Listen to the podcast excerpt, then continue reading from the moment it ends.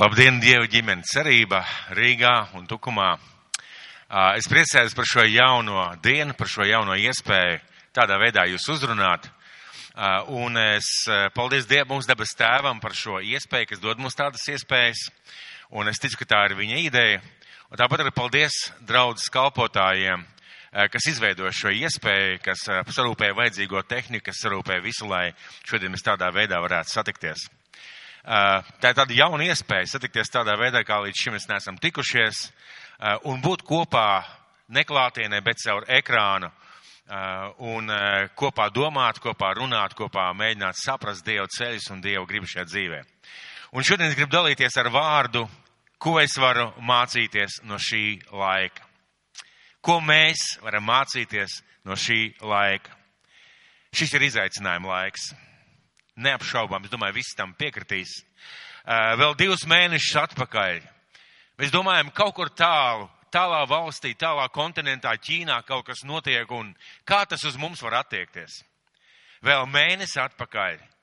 Tas notiek kaut kur tālu Eiropā, kādā valstī. Tas mūs neskars, tas viss ir tālu, tas nav aktuāli. Vēl divas nedēļas atpakaļ Mēs tikāmies draudzē un slavējām kopā, pielūdzām Dievu, spiedām viens otram roku, sveicinājāmies, novēlējām Dievu svētības un eh, dievkalpojumā es runāju uh, vārdu, cik vērtīga ir Dieva valstība un es runāju par pazaudēto, par uh, atrasto bagātību un par pērli, par visdārgāko pērli. Un mēs nemaz nedomājām, ka nebūs iespēja turpmāk tikties klātienē. Sesdienas vakarā notika kādas pārmaiņas valdības līmenī un lēmumu līmenī, un daudz kas mainījās, un šodien mēs esam tur, kur mēs esam. Un šobrīd mēs esam šeit, esam šeit dievkalpojuma zālē, jūs esat savās mājās, un klātēnē īsti sanāk kopā nav iespējams, jo mēs rūpējamies par tiem cilvēkiem, kas mums ir apkārt, par viņu veselību un arī par viņu dzīvību un drošību jo mēs rūpējamies arī uh, par savu veselību un arī par savu drošību. Uh, un šobrīd es gribētu vispirms pateikt milzīgi paldies tiem cilvēkiem, kas valstiskā līmenī rūpējās par cilvēkiem, par drošību, par veselību, par aizsardzību. Pirmām kārtām es gribētu pateikt paldies mūsu valdībai. Lai cik bieži varbūt mēs, kristieši un arī citi neticīgi cilvēki, esam kritizējuši mūsu valdību un runājuši kādas negatīvas lietas, Un gribētu teikt paldies viņiem par to, ka viņš šajā laikā parādīja drosmi, eh, apņēmību, izlēmību un ievies visas tās lietas, ko mēs šobrīd piedzīvojam. Kā tika uzlikt dažādi eh, teiksim, aizliegumi eh, pulcēties. Paldies viņiem par to. Tāpat paldies par tiem solījumiem parūpēties par cilvēkiem. Es gribu pateikt arī lielu paldies mediķiem par viņu darbu, par viņu pašaizliedzību, par to, ka viņi tik daudz rūpējās un gādā par mūsu zemi, par mūsu cilvēkiem. Paldies viņiem! Es gribētu pateikt paldies policijai, robežsargiem, tiem cilvēkiem, kas stāv uz mūsu valsts robežām, tiem cilvēkiem, kas uh, patrolē ielās, tiem cilvēkiem, kas uzmana, lai būtu kārtība un te pašā laikā arī rūpējas par to, lai šī slimība kaut kādā veidā neizplatītos. Un es gribētu pateikt lielu paldies arī pārtiks veikalu pārdevējiem, aptieku pārdevējiem, tiem cilvēkiem, kas šodien rūpējas par to, lai mēs pārējie tauta varētu iet veikalā un nopirkt pārtiks produktus visiem, kas mums ir vajadzīgs. Un mums, kristiešiem, uh, ir uh, pienākums pateikt paldies šiem cilvēkiem. Un ja kāds mani klausās, tad milzīgs jums paldies par to, ka jūs riskējot zināmā mērā ar savu veselību, uh, darat to darbu, ko jūs darat. Un es gribētu visās vietās, kur mani klausās vai redz vai dzird, teikt, uh, pasakiet paldies. Kad jūs veikalā iepērkaties, kad jūs doties projām ar savu groziņu, pasakiet paldies šiem cilvēkiem un pasakiet ļoti svarīgus vārdus, ko es domāju šiem cilvēkiem būtu svarīgi dzirdēt. Lai Dievs jūs sargā un svētī. Pasakiet šos vārdus cilvēkiem. Ticu, tas viņiem ir svarīgi, jo arī viņiem ir ģimenes, arī viņiem ir tuvu cilvēki. Un viņiem ir svarīgi dzirdēt, ka kāds cilvēks ne tikai pasaka tradicionālo dežūru paldies, bet ka novēl arī Dieva svētību. Un mēs nezinām, ko nesīs nākotnē. Bet man patikās, patika un ļoti vērtīgi likās dzirdēt mūsu veselības ministres atbildi uz jautājumu, kas būs tālāk, kad viņi teica tā, pēc visa tā, ko mēs pārdzīvosim, pēc visa tā, ko mēs pieredzēsim, mēs būsim labāka sabiedrība. Mēs būsim cilvēciskāki, mēs būsim saliedētāki, mēs būsim vienotāki. Un es lūdzu Dievu par to, un man gribās ticēt, ka šie, šie ministrs vārdi piepildīsies. Un es gribētu ticēt un teikt, ka mums visiem par to ir jādomā, lai pēc šī laika mēs būtu savādāk. Bet ir viens, kura rokās mēs, kristieši, esam un arī visi cilvēki, kas ir šīs pasaules. Un ir viens, kas rūpējās un gādā lai mēs, kas viņam ticam, lai mēs, kas viņam piedarām un kas viņam kalpojam, jebkuros apstākļos, jebkurās situācijās, jebkurās krīzēs būtu drošībā. Kaut pārbaudījumos, bet drošībā. Un tas ir mūsu Dievs, mūsu debesu Tēvs, kas mūs caur Jēzu Kristu darīs par saviem bērniem, par saviem cilvēkiem, par savu tautu. Un uh, visus kopā kā savu draugu, bet arī katru cilvēku atsevišķi, individuāli un personīgi, kā savu bērnu viņš sargā. Viņš sargā, viņš rūpējās. Un ko mūsu debes tēvs, ko mūsu dievs šodien gribētu pateikt mums, saviem bērniem? Ko viņš gribētu pateikt? Tiem, kas ir pieņēmuši Jēzu Kristu par kungu, kas ir noticējuši viņam, kas ir atdevuši viņam savu dzīvi, kas ir slēguši ar viņu derību ūdens kristībās, ko viņš gribētu pateikt. Un eh, grāmatā, 43. nodaļā, 1, 3 un 5 pants. Man tas likās ļoti svarīgi un zīmīgi šajā dienā pateikt. Un es, ja mēs pajautātu šobrīd Dievam, ja mēs varētu tā pajautāt Dievs, ko, ko tu man šodien gribētu pateikt, noteikti būtu daudz kas. Bet es ticu, ka kaut kas būtu līdzīgā garā vai varbūt tieši tas, ko šeit Dievs saka. Tātad, ja es grāmatu 43. nodaļas, pirmais pants. Un ar šo mirkli es gribētu, mīļie draugi, jūs, kas skatāties uh, ekrānos, uh, nevis vienkārši sēdēt un izbaudīt uh, brīvo dienu, bet paņemt Dievu vārdu, paņemt Bībeli, jo uz ekrāna jūs neko neredzēsiet. Uh, atšķirt tās vietas, kuras es lasīšu pierakstīt, lai varētu pēc tam pārdomāt. Un tad mēs dodamies uz Iesējas grāmatas 43. nodaļu, no 1. līdz 3. pantam un pēc tam 5. pants. Un Dievs saka tā mūžīgais Dievs saka tā. Bet tagad saka tas kungs, kas tevi radīs, Jēkab, un tev veidojas Izraēlu. Tātad mūsu ticīgos. Nebīsties, jo es tevi atpestīju. Es tevi saucu tavā vārdā, tu esi mans. Es tevi saucu tavā vārdā, tu esi mans kad tu iesi cauri ūdeņiem, es būšu pie tevis. Un cauri straumēm tās tevi nepārpludinās. Kad tu iesi cauri uguni, tu nesadegsi, uguns liesmas tev nekaitēs. Jo es, tas kungs, tavs dievs, Izraēlas svētais, esmu tavs glābējs. To Dievs saka katram personīgi mums, kas ticam uz Jēzu Kristu. To Dievs saka katram personīgi, tiem, kas ir kādā draudzē, kas kalpo Dievam. Un piektais pants - nebīsties, jo es esmu ar tevi. Nebīsties, jo es esmu ar tevi. Un ja tu tici Jēzum Kristum, ja tu pieņemsi viņu par savu kungu, ja tu slēdz ar viņu derību ūdens kristībās, Viņš to saka tev personīgi. Un es gribētu izlasīt to tieši tev. Ja pirmo reizi es lasīju, un varbūt tas likās tev kā viens no Bībeles pantiem, tad šobrīd es gribētu izlasīt to tieši tev, tev, kas klausās, kas skatās šobrīd caur ekrānu. Bet tagad saka tas kungs, kas tevi radīs, Jēkab, kas tevi veidojas, Izraēla. Nebīsties, jo es tevi atpestīju. Es tevi saucu tavā vārdā Viņš zina tavu vārdu. Tu esi mans. Kad tu iesi cauri ūdeņiem, es būšu pie tevis. Un cauri straumēm tās tevi nepārpludinās. Kad tu iesi cauri uguni, tu nesadegsi, un uguns liesmas tev nekaitēs. Jo es tas kungs, tavs dievs, Izraels svētais, esmu tavs glābējs. Nebīsties, jo es esmu ar tevi. Nebīsties, jo es esmu ar tevi. Man ir jautājums. Varbūt pie kāda cilvēka, kas šobrīd skatās vai skatīsies, un viņš nevar teikt, ka viņš piedara Kristum, ka viņš ir noticējis un atdevis viņam savu dzīvi. Es gribētu tev pajautāt, vai tu vēlētos, lai šie vārdi attiektos uz tevi? Jā, arī uz tevi. Uz tevi, kas šodien netic Kristum, uz tevi šodien, kas nekalpo Dievam. Vai tu vēlētos, ka mūžīgais Dievs šos vārdus būtu veltījis arī tev?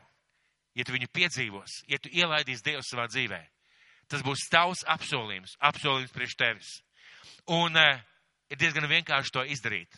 Un šīs predikta laikā, dievkalpojuma beigās, es aicināšu uz kādu lūkšanu, kas būs kā lūkšana, lai ielaistu Dievu savā dzīvē. Un varbūt šis brīdis ir tieši priekš tevis. Un šodien ļoti aktuāls jautājums par šo laiku. Kas šis ir par laiku? Ko darīt ar šo laiku? Ko darīt šajā laikā? Un ļoti daudz, kas ir apstājies, projekti, biznesi, dažādi pasākumi, neticami, bet tas ir fakts. Sporta spēles, Eh, olimpiskās spēles ir zem jautājuma, koncerti, šovi. Ļoti daudz, kas ir apstājies, un arī baznīcās var būt kādi projekti, kas tika plānoti. Un, zini, šajā laikā var sastingt. Var vienkārši sastingt, var nolikt visus pauzi. Var iemigt tādā kā līdz labākiem laikiem. Tagad es vienkārši esmu mājās un līdz labākiem laikiem var aizmigt ziemas miegā kā lācis, ielīst savā aliņā un vienkārši gulēt kā lācis ziemas miegu. Var plēst matus. Var plēst matus no bailēm, no neziņas, var dzīvot bailēs, var stresot. Un, ziniet, šobrīd tiek sūtīti dažādi video un skaidrojumi un stāsti, kas notiks un kā notiks. Bet kāds no Amerikas prezidentiem ir teicis tādus vārdus, kas savā laikā mani personīgi ļoti ir aizskāruši un uzrunājuši. Un šie vārdi ir apmēram tādi. Nav tik svarīgi, kādos apstākļos tu esi, cik ir svarīgi, ko tu dari šajos apstākļos. Un papildinot šo domu, es gribētu teikt, nav tik, te apstākļi tevi neveido, tevi veido tas, ko tu dari šajos apstākļos. Ko darīt ar šo laiku? Un Dievs Salmanu pamācībās, savā gudrībā saka tādus vārdus. Māci mums mūsdienas tā skaitīt, ka mēs gudru sirdi dabūjam. Ko tas nozīmē? Ko nozīmē dabūt gudru sirdi? Ko nozīmē mācīties skaitīt laiku? Tas nozīmē mācies ieraudzīt laiku. Mācies viņu tā kā materializēt savā dzīvē laiku, kurš tev ir dots. Mācies saprast laiku. Mācies vērtēt laiku un mācies gudri izmantot laiku. Kas, ir, kas, kas šis ir par laiku? Kas šis ir par laiku? Tas ir pārbaudījuma laiks. Un es domāju, ka visi piekritīs, uh, ir neziņa, kas būs nākotnē, kas būs nākamajā nedēļā, kas būs pēc lieldienām, kas būs šajā vasarā ar darbu, ar biznesu, ar, ar dažādām lietām mūsu dzīvē. Uh, ir bailes, un šobrīd uh, apkārt klejo bailes un cilvēki nobijušies un baidās. Un kāds varbūt ir pārgalvīgs, bet cilvēki nobijušies un baidās un ir liela neziņa un ir ierobežojumi un jau tagad ir kaut kāda zaudējuma. Un zaudējumi noteikti būs vēl lielāki. Kas ir šis par laiku? Pārbaudījuma laiks. Bet ko Dievs saka par šādu laiku? Ko Dievs saka par šādu laiku draudzes dzīvē? Ko Dievs saka par šādiem pārbaudījumu laikiem katra kristieša dzīvē? Un es gribētu tevi aicināt, atšķirt savā bībelē Jēkaba vēstule, pirmo nodaļu. Un es speciāli runāšu lēnāk, dievkalpojums varbūt saku ātrāk, jo parādās ekrānu, bet es speciāli šīs vietas saukšu divreiz un lēnāk, jo es vēlos, lai tu seko līdzi. Es vēlos, lai šis laiks, ko tu pavadīsi šī stunda, varbūt nepilni kopā ar mani, ar mums kopā ar draudz cerību, lai tas ir auglīgs laiks tavā dzīvē. Tad Jēkaba vēstule pirmā nodaļa, pirmais, otrais un pēc tam ceturtais, trešais, ceturtais pants. Un Dievs savā gudrībā, caur svēto garu, saka tādus vārdus. Jēkabs, Dieva un Kunga Jēzus Kristus kalps. Tātad Jēkabs saka, kā kalps viņš ir, kā vēstījumu viņš nes, kā ziņu viņš nodot e, tautai. Dieva un kunga Jēzus Kristus kalps. Sūta sveicienus 12 ciltīm, kas dzīvo izkaisīts. Un otrais pants. Un kāds ir šis sveiciens? Turiet mani brāļi, to par lielu prieku, ka jūs krītat dažādās kārdināšanās.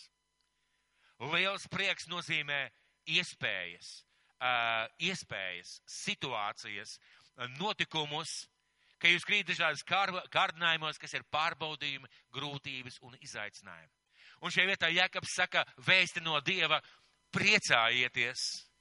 Protams, ka mēs nevaram vienmēr priecāties un būt priecīgi un smaidīgi ar kādu pārbaudījumu, bet jābūt šim iekšējam priekam vai gandarījumam par to, ka mēs krītam kādos grūtās brīžos vai situācijās, ka mēs esam gatavi mācīties, jo tas ir laiks, kad Dievs mūsu dzīvē kaut ko sāk darīt. Kad jūs krītat dažādos kārdinājumos, tad pārbaudījumus un, un grūtībās, zinādami, ka jūsu ticības pārbaudīšana sagādā izturību. Zinādami, ka šie pārbaudījumi, ka šīs grūtības sagādā izturību, ja veido mūs, šie pārbaudījumi, šīs grūtības veido mūs.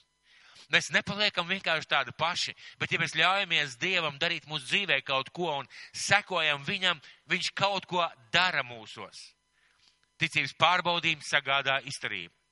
Bet izturība, lai parādās darbā līdz garam, līdz galam, ka jūs būtu pilnīgi caur caurim un jums nebūtu nekāda trūkuma. trūkuma.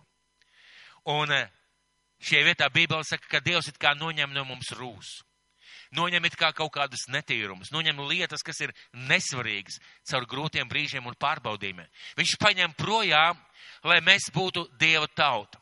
Un, kad mēs domājam par Kristu, kad mēs domājam par Bībeli, Bībeli runā par divām lietām. Par Jēzu Kristu, Dievu dēlu.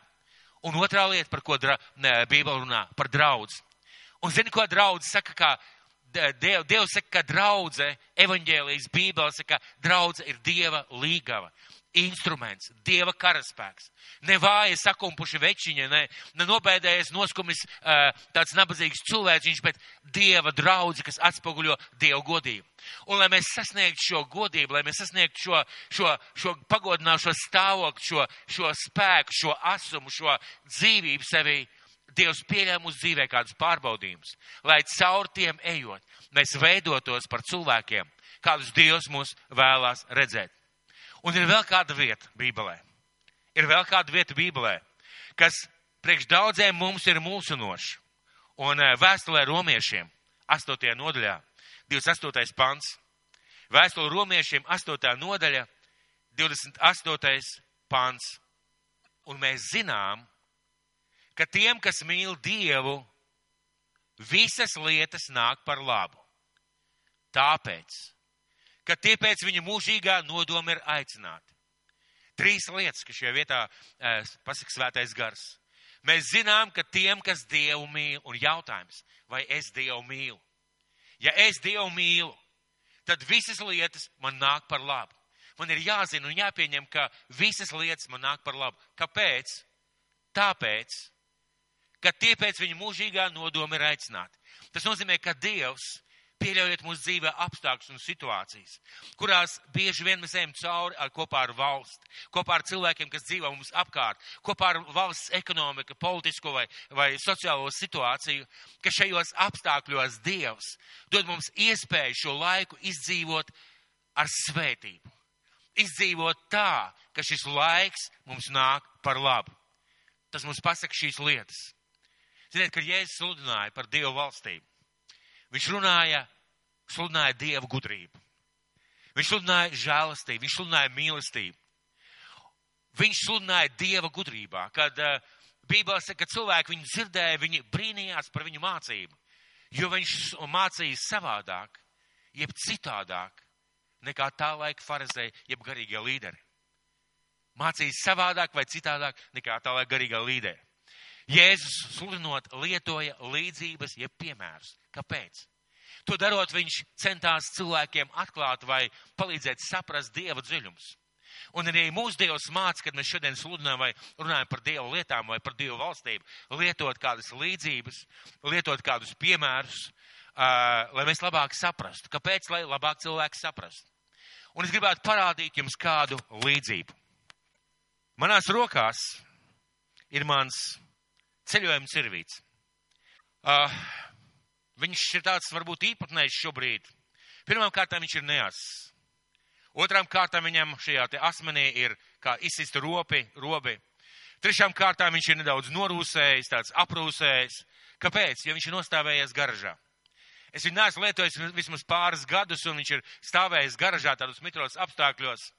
Bet te pašā laikā ērtos apstākļus. Viņam nekas nebija jādara, nekur ne šiem cervītiem nebija jābrauc, nekas nebija jāskalda. Un viņš eh, netika lietots, viņš stāvēja tādā kā komforta zonā. Līdzīgi kā kristietis tādā ērtā komforta situācijā, tādos iemidzinošos apstākļos, kuros mēs bieži esam dzīvojuši un varbūt kādu laiku atpakaļ dzīvojām. Līdzīgi kā kristietis. Man gribētu šo cirvīti salīdzināt ar kristieti. Ziniet, lai cirvis varētu atkal lietot, viņu vajadzētu uzasināt. Kā cirvi uzasina?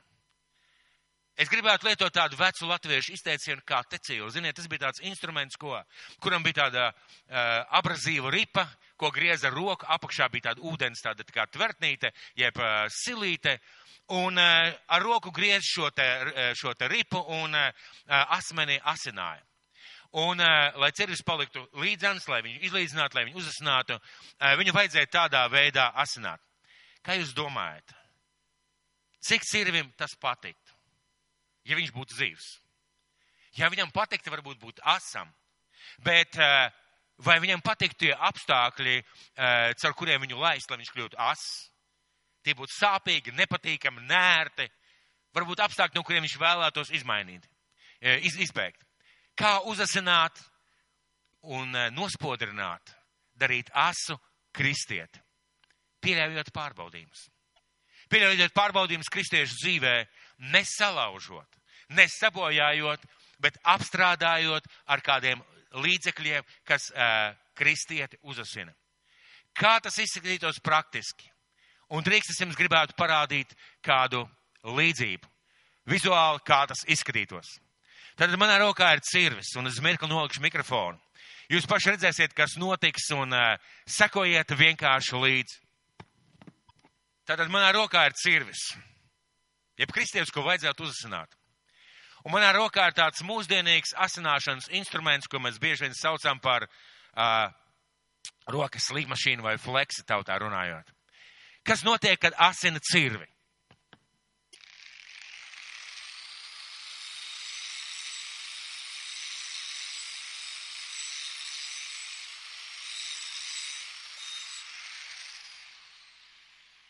Ticiet vai nē, cirvis izskatās krietni labāk.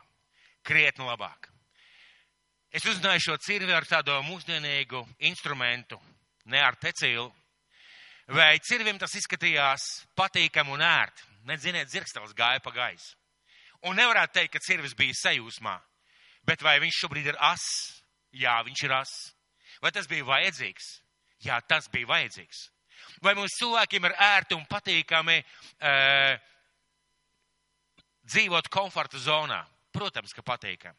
Vai mums ir patīkami, ka mūsu dzīvē Dievs laiž garām tādu šmirģeli, jeb asināmo ripu, jeb tecīlu, lai mūs uzzinātu? Nē, mums nav patīkami. Ja tā būtu mūsu izvēle, bieži vien mēs izvēlētos izbēgt, bet Dievs zina labāk.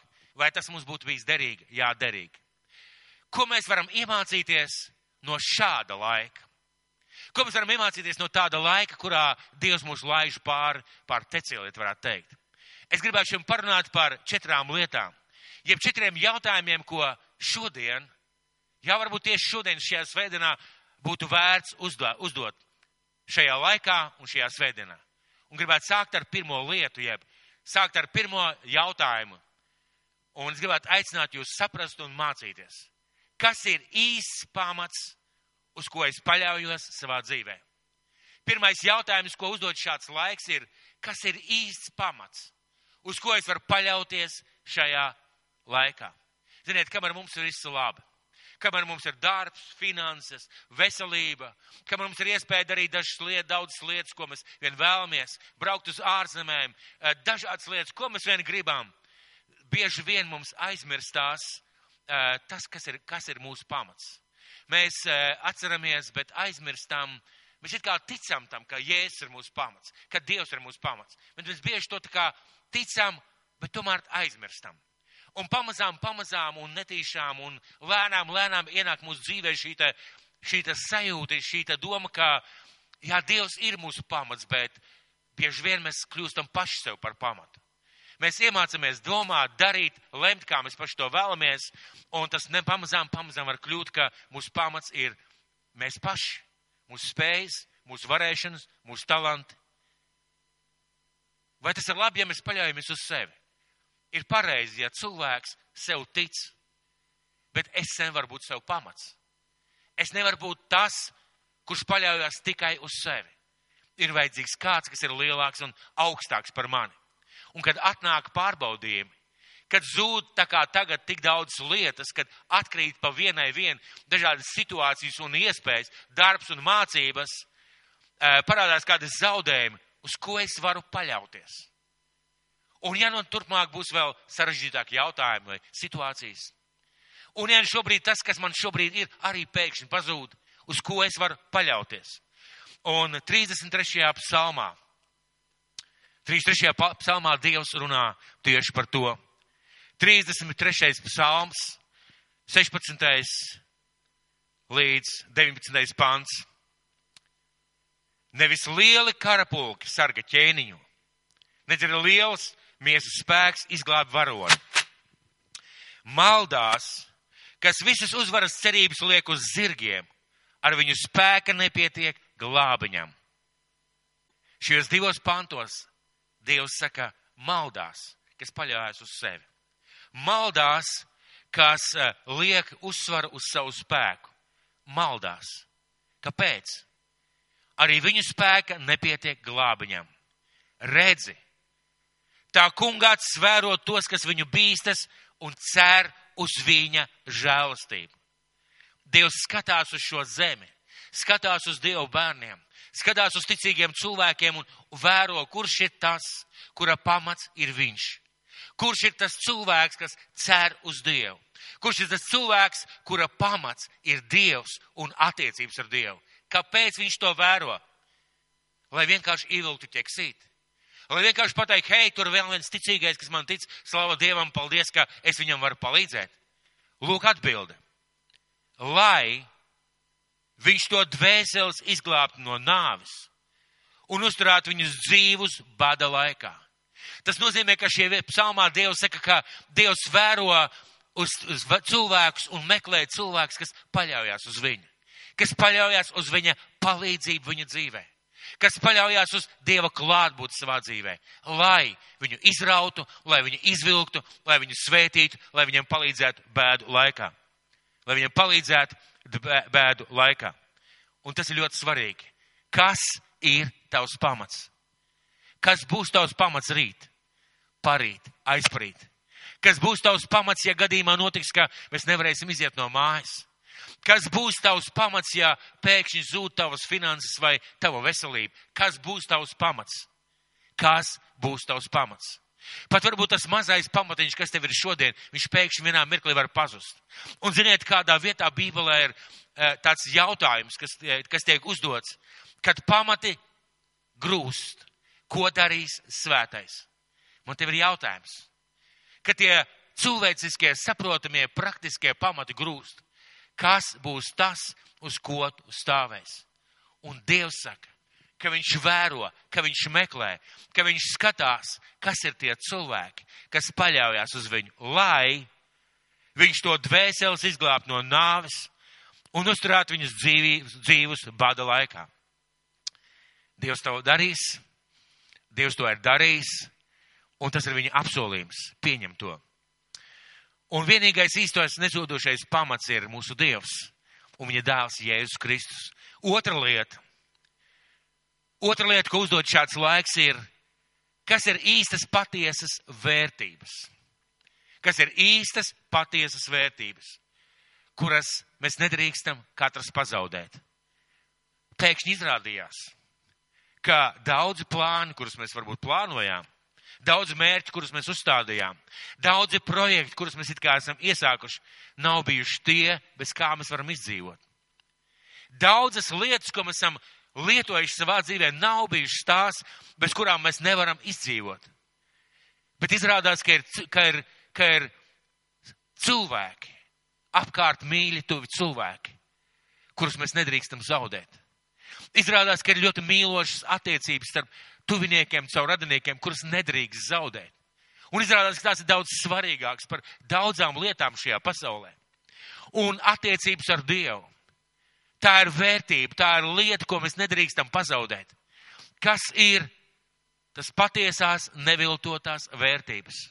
Šis laiks noliek uz svariem. Šis laiks noliek uz svariem, kas ir tās vērtības, uz kurām tu tici, ceri un par kurām tu domā. Kas ir tās vērtības?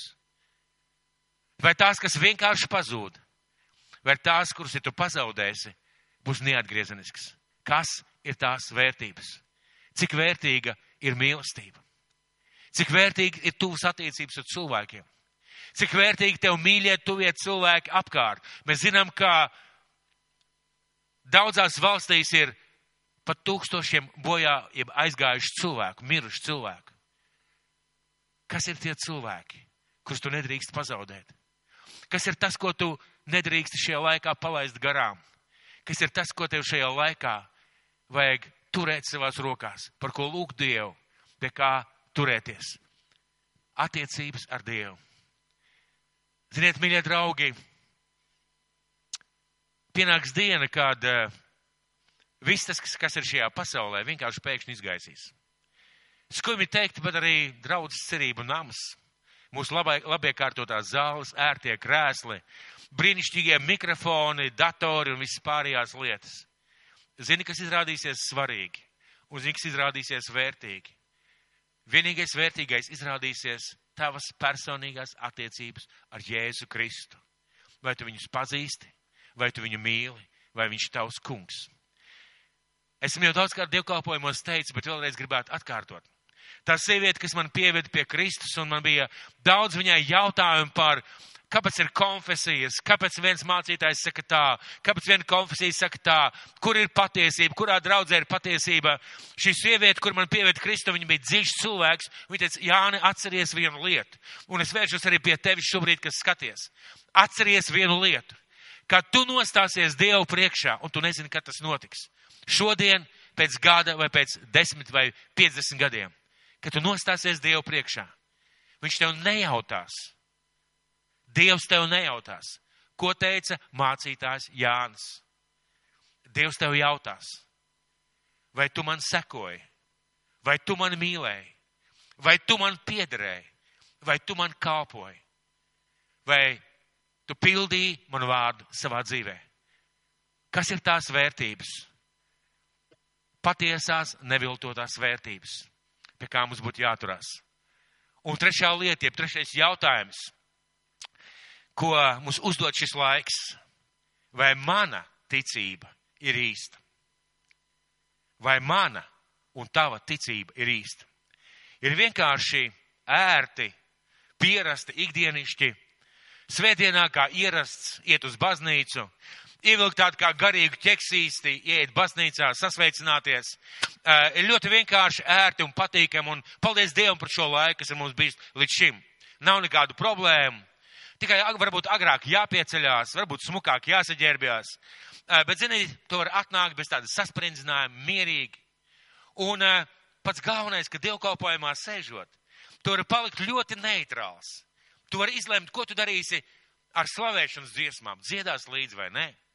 Tu vari izlemt, ko tu darīsi ar mācītāju runu vai svētrunu, vai to bībeles tekstiem, ko mācītājs lasa. Vai tu viņus lasīsi savā bībelē, vai skatīsies uz ekrāna, vai palaidīs garām. Tu vari pilnīgi vienīgi izvēlēties un brīnišķīgs ērts un neko nenosakošs laiks, ja tā varētu teikt. Bet pārbaudījumi uzdod jautājumus. Viņa bet pārbaudību uzdod jautājumu. Vai mana ticība ir īsta. pārbaudījums uzdod jautājumu, vai mana ticība ir īsta. Tas ir bieži vien kā pret sienu.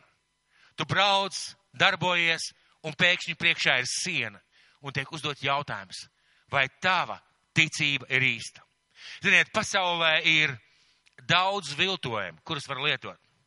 Mēs varam lietot magnetofons ar skaļiem nosaukumiem, un tikai speciālists mums var pateikt, ka tas ir viltojums. Mēs varam lietot drēbes ar uh, labiem brandiem, un uh, tikai speciālists varbūt pateiks, ka uh, šī drēbe ir viltota. Ir daudz lietas, kas ir viltotas, un mēs tās varam lieliski lietot un pat nezināt. Ziniet, bet garīgajā pasaulē, garīgajā pasaulē viltojumu nav. Un uh, nevar lietot viltot ticību. Nevar lietot viltot ticību mīļiem. Nav iespējams noviltot ticību. Jautājums ir, vai tava ticība ir īsta. Un šāds laiks uzdot šo jautājumu. Vai mana un tava ticība ir īsta? Un es gribētu jūs vest uz Mateja evaņģēliju 26. nodaļu. Mateja evaņģēlija 26. nodaļa, 31. 35. pants. Un es ļoti vēlos, lai tu šobrīd mājās, kur tu sēdi, attaisi savu bībeli, Mateja evaņģēlijā, 26. nodaļā, 31. un līdz 35. pants. Šī vieta ir ļoti izaicinoša un nērta. Šajā vietā Dievs, Svētais gars stāst par Pēteru, par Kristus sarunu ar Pēteru, par Pēteru sarunu ar Kristu par tiem pēdējiem notikumiem, pēdējām sarunām, kas bija viņu starpā pirms jēzus tiks izs krustā. Un lūk, ir Pēters, kurš ir pārliecināts par savu ticību. Un Kristus, kurš saka, ka viņš drīz tiks krustā sists. Lasīsim kopā. Un lai svētais gars runā uz tevi caur šo jautājumu, vai tava ticība ir īsta. Un 31. pants. Tad Jēzus saka tiem, jūs visi šī laika naktī pret mani apgrēcināsieties. Jo stāv rakstīts, es sitīšu gana un ganāmā pūka avis izklīdīs.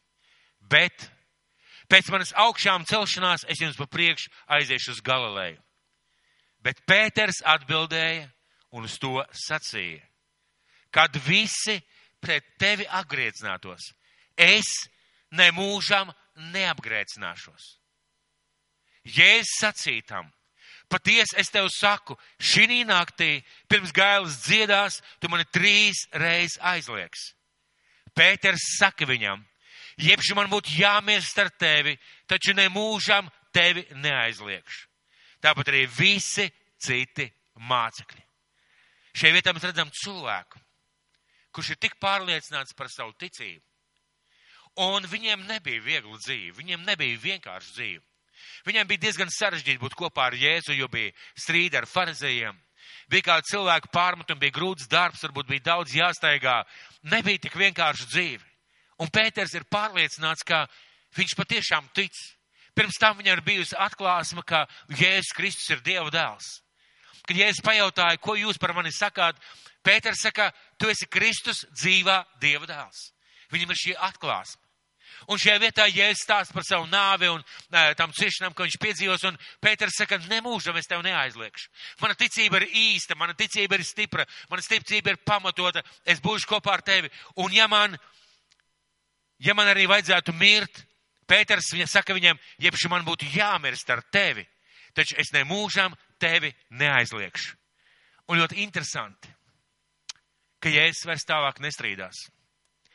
Es savā bībelē esmu ierakstījis vārdu. Jēzus noklusēja. Kad mēs kādreiz dievkalpojumā vai mājās lūkšanā vai kādā cilvēka starpā sakam, Jēzus ir mans kungs, viņš ir mans glābējs, es viņam ticu, es iziešu kopā ar viņu cauri. Bieži vien Dievs no debesīm nesaka, nē, zini, tu sevi nepazīsti. Dievs vienkārši noklusē. Līdz mirklim, kas ir patiesības stunda. Līdz mirklim, kad apstākļi vēlreiz uzdot šo jautājumu. Kas ir ar tavu ticību? Kāda viņa ir? No kā viņa ir uzbūvēta? Un 69. 75. pants. Mēs zinām, ka Jēzus piesit krustā, viņu tur spīdzina un, un sit ar pātagām, smējās par viņu. Bet paralēli tam notiek kādi notikumi pagalmā. un sēdējis Pēteris sēdēja priekšnamā. Un pie viņa pienāca kalpona un sacīja, tu arī dzen biji ar Jēzu galalieti. Bet viņš liedzās visu priekšā, sacīdams, es nesaprotu, ko tu runā. Lūk, kāds pārbaudījums caur šo kalponi, kad ir bīstama situācija. Pēters saka, es nesaprotu, ko tu runā. Un kad viņš bija iegājis vārtu priekšā, kāda cita ieraudzījis viņu saka tiem, kas tur bija. Šis arī dzen bija ar Jēzu nācariet. Un viņš atkal liedzās zvērēdams. Es to cilvēku nepazīstu. Saliekat kopā šos pantus. Jēzu, ja vajadzēs, es ar kopā ar tevi nāvē. Ja visi tevi nodos, es tevi nenodošu. Un šeit pretī, un viņš liedzās zvērēdams, es to cilvēku nepazīstu. Un par mazu brīdi tie, kas tur aizstāvēja, piegāja pie Pētera un sacīja uz to patiesi, arī tu esi viens no tiem, jo tava valoda jau nodot tevi. Tad viņš sāka lādēties un dievoties. Es to cilvēku nepazīstu. Un to daļu gailis dziedāja. Redziet, ienāk kādi apstākļi Pētera dzīvē. Un ziniet, ko es jums gribētu pateikt, mīļie? Tas nav vienkārši Pēters, tie esam mēs ar jums. Tie esam mēs ar jums. Un kad mūsu pārliecība un ticība uz Dievu labos apstākļus ir skaista, brīnišķīga, pārliecinoša, mēs paši par to domājam un ienāk kāda apstākļa un kādas situācijas, kas uzdod jautājumu, kāda ir tava ticība. Un līdzīgi kā Pēterim, kuram bija atklāsme, kurš bija redzējis dažādus notikumus ar Jēzus dzīvē, brīnums, viņš pēkšņi, viņš pēkšņi aizliedz Kristu. Viņš pēkšņi atsakās un šajā vietā, kad viņi saka, tava valoda jau nodod, ko viņš dara, viņš sāk lādēties un sāk dievoties, lai valoda nenoliektu. Un to daļu gailis dziedāja, piepildījās Jēzus vārdu. Un Pēters atcerējās Jēzus vārdus, ko viņš tam bija sacījis pirms gailis dziedās. Tu man trīs reizes aizliegsi. Un viņš izgāja ārā un gauži raudāja piepildījās Jēzus vārdi. Un varbūt, ka Dievs ļoti bieži noklusē mūsu dzīvē, kad mēs apliecinām savu ticību labos apstākļos. Dievs ļoti bieži varbūt noklusē un mums neko nepasaka, bet tad nāk kāda situācija, kāda apstākļa, kāda lieta, kas uzdod šo jautājumu. Kāda ir mana ticība? Paldies Dievam! Pēters izgāja ārā un rūkti raudāja. Viņš saprata, ka viņa ticība nav īsta. Un, zini, mīļais draugs, ja varbūt šajos apstākļos vai nākamajās dienās uz priekšu, tu pēkšņi saproti, ka tava ticība nav īsta, nāc pie Dieva. Lūdzu, lai Viņš tevi stiprina. Lūdzu Dievam piedošanu par savu augstprātību vai, vai pašpārliecinātību. Lūdzu, lai viņš stiprina, atjauno tavu ticību, jo tā ir viņa vēlēšanās. Jo arī Pēters tajā nepalika. Mēs zinām, ka Pēters ir viens no tiem cilvēkiem, ar ko Jēzus satiekās augšām cēlies. Pēters runā uz viņu un saka, uh, Pēter, kādus vārdus. Un tad mēs redzam Jāņa evaņģēlijā, ka, ka Pēters ar saviem brāļiem uh, ir šī ezera. Jēzus aicina viņus krastā, un Jēzus runā viņu, Jēzus uzdod Pēterim trīs reizes jautājumu. Šeit ļoti svarīgi ieraudzīt, ka Dievs tevi nenoraksta, ja tava ticība šobrīd nav īsta. Bet tavai ticībai ir jākļūst īstai caur pārbaudījumiem. Un redz, kas notiek. Pēters, Pēters satiekās ar Jēzu pie šī galējas jūras, un Jēzus uzdod viņam trīs reizes jautājumu. Pēter, vai tu mani mīli? Un pirmās divas reizes Pēters atbild, protams, ka es tevi mīlu. Un trešajā reizē viņš saka, tu visu zini. Un Jēzus viņam saka vārdus. Gani manas avis. Kas ir pārsteidzoši pēc atziņas, ka tava ticība nav bijusi īsta, pēc atgriešanās pa īstam pie Dievam, Dievs spēja tev dot tādus uzdevumus, kādus līdz šim tu nebija spējis veikt. Un Dievs saka Pēterim, gāni manas avis. Viņš pilnībā rehabilitē Pēteri. Pilnībā noņem nekādus, jebkādu smagumu no viņa un uztic viņam savu draudzi. Un Pēters, kas bija vienkāršs zvejnieks, vienkāršs cilvēks ar vāju ticību, kļūst par cilvēku, uz kura balstās pirmās pirmā draudz. Kāda un vai īsta ir tava ticība? Un ceturtā lieta, ko māca šis laiks. Ko es varu iegūt šajā laikā? Kā es varu sakrāt, pavairot, norūdīt, kad varbūt citi zaudē. Kā es varu iegūt, kad citi zaudē. Mēs nepriecājamies, ja citi zaudē. Bet ko es kā Dieva bērns, kā kristietis, varu iegūt, pavairot, izaudzēt sevī, kad apkārt ir tādi apstākļi. Dosimies uz vēstuli galotiešiem. Vēstuli galotiešiem sastā nodaļa, astotais pants. Paņemiet lūdzu savas bībeles, atveriet vēstuli galotiešiem sesto nodaļu, astoto pantu. Un tur rakstīts, tad galotiešiem sastā nodaļa, astotais pants. Bet sāksim ar septīto. Nepievilieties, Dievs neļaujas apsmieties, jo ko cilvēks sēj, to viņš arī pļaus. Tad Dievs saka, ka Dieva likumi nav mainām, jo ko cilvēks sēj, to viņš arī pļaus.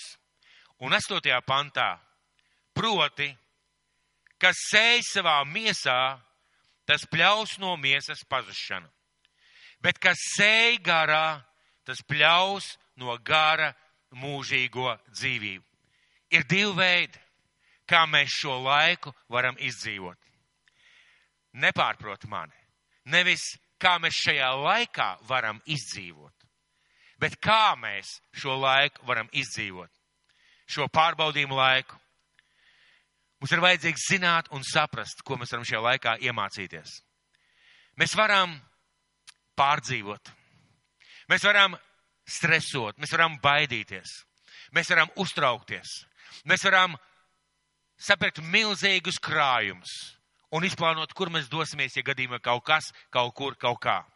Mēs varam dzīvot šajās bailēs, tverot negatīvās ziņas, mums ir jāzina, kas notiek pasaulē. Bet, ziniet, mēs nevaram ēst šīs ziņas bezgalīgi, mēs nevaram no viņām dzīvot, no viņām pārtikt, un šobrīd ir interesanti, ka eh, iz, eh, pa telefoniem staigā kādas īziņas. Un man tik nesen atsūtīja kāda īziņa, kurai iet runa par pēdējiem laikiem. Un šie īziņa par pēdējiem laikiem, par zvēra zīmi, par dažādām lietām. Mēs zinām par šīm lietām. Kas bija interesanti, noskatoties šo, šo te video filmu un izlasot kādas īziņas, cilvēks man jautāja, kas sūtīja, ko tu par to domā? Es padomāju, un es pēkšņi sapratu. Šajās īziņās, šajā video filmā nebija ne vārda par cerību. Nebija ne vārda par to, ka Dievs tur rokas par saviem mīļotiem.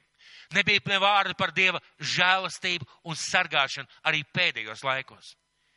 Un tu vari pārtikt no ziņām, no īziņām, no raidījumiem, kas runā par negatīvo, uh, slikto, cik būs šausmīgi, cik būs bēdīgi, cik būs slikti, un dzīvot tajā, ļaujot bailēm sevi augt ļaujot bailēm sevi paralizēt, ļaujot bailēm sevi iemājoties un augt kā lielam kokam. Ziniet, tāds augsts, ko sauc par latvānu.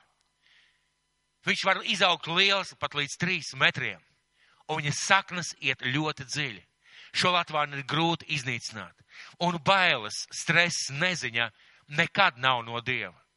Tas kā Latvāns var izaugt tavā dzīvē, tavā laukā, un tu būsi spiests cīnīties un dzīvot ar šo indīgo augu.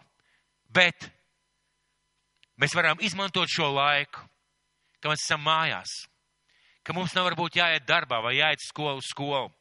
Kad varbūt mēs kaut kādu apstākļu spiest esam uh, spiesti neiet darbā un uh, nav nekādu pasākumu, nav nekādu pienākumu, varbūt nav arī jāiet uz draudz. Mēs šo laiku varam izmantot, lai sētu savā garā.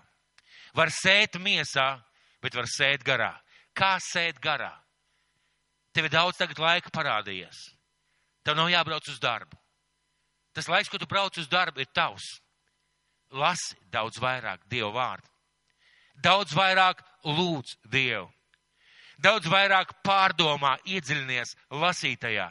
Lasi garīgas grāmatas, kuras tev nav bijis laika lasīt. Sazvanies ar brāļiem, ar māsām, sūti uzmundrinošas īziņas, saņem uzmundrinošas īziņas.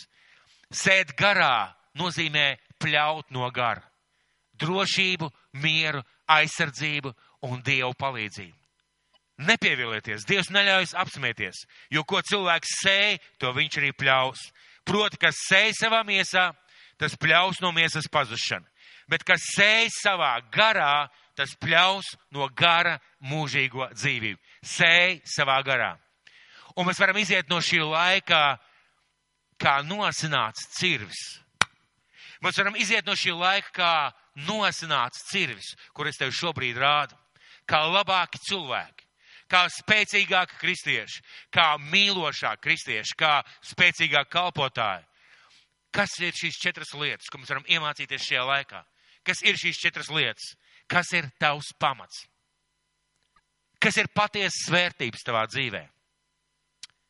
Vai tava ticība ir īsta? Un ko tu vari iegūt no šī laika? Jo krīze ir iespēju laiks. Lai cik tas varbūt ciniski skan, šis laiks ir iespēju laiks. Iespēja laiks sēt tev savā garā un arī pļaut no sava gara. Sēt cilvēkos ticību un pļaut, ka cilvēks sāk ticēt. Sēt mīlestību, labestību un pļaut no tā, kad cilvēki sāk tev uzsmaidīt. Šis ir iespēju laiks. Kāds tu iziesi no šī laika? Es gribu tevi aicināt, lai šis laiks tev ir augšanas un sēšanas laiks. Lai šis laiks ir tā, laiks, kurā tu sēji savā garā. Lai pēc šī laika tu būtu stiprāks, drošāks, ticīgāks un svētītāks cilvēks. Un tu to vari. Tu tiešām to vari. Dievs mūsos to ir ielicis iekšā, un Viņš to vēlās redzēt. Dievs sūta mūsu dzīvē šo tecīlu, lai mūs nosinātu, lai nospodrinātu, lai izveidotu. Jo Viņš mūs mīl, un Viņš mīl arī tevi. Un es gribētu aicināt jūs visus uz kopēju lūkšanu. Uz kopēju lūkšanu mēs lūdzām tikko ar kādiem cilvēkiem, kas gribēja pieņemt Kristu. Mēs gribētu aicināt uz kopēju lūkšanu par draudz cerību un par visiem ticīgiem. Vai tu esi gatavs lūgt kopā ar mani? Es gribētu tev aicināt, ja tev ir iespējams, nometies uz ceļiem. Mīļais, debes tēvs, mēs šodien atnākam pie tevis, kungs. Un mēs tev piesaucam un pielūdzam kā savu Dievu. Tu esi mums tuvu blakus šajā laikā. Tēvs, mēs pagodinam tavu vārdu un atzīstam, ka tu esi mūsu Dievs ka tu, Jēzus, esi mūsu glābējs, ka tu esi mūsu pestītājs, ka mūsu dzīve ir tavās rokās, debes tēvs. Un es tev lūdzu, mans kungs un dievs, svētī ikvienu draudzes cerību cilvēku. Lai kur viņš šajā brīdī ir atrastos, tēvs svētī ar stipru ticību, ar stipru paļāvību, mīļais Dievs. Kungs sargā, sargā Jēzu zem savām asinīm, zem saviem spārniem, zem, zem savas aizsardzības. Sargā, mīļais Dievs. Svētī debes Tēvs ikvienu, kas piesauc Tavu vārdu. Tēvs dziedini slimos. Tēvs apgādā, ja kādam ir kāda vajadzība. Tēvs atbild uz katru lūgšanu. Mīļais kungs, mēs lūdzam Tēvs un svētiem Tavu vārdu un uzticamies Dievs. Un debes Tēvs lieto šo laiku. Kungs lieto šo laiku mūsu dzīvē. Stiprina mūs kā ticīgus cilvēkus un izved kungs cauri Dievs visiem šiem apstākļiem. Tēvs rūpējies, lūdzu gādā un esi kopā ar mums katrā mūsu dzīves dienā un izaicinājumā. Mēs tev uzticamies, Tēvs, mēs tev paļaujamies un mēs slavējam tavu svēto vārdu. Jēzus vārdā. Āmen!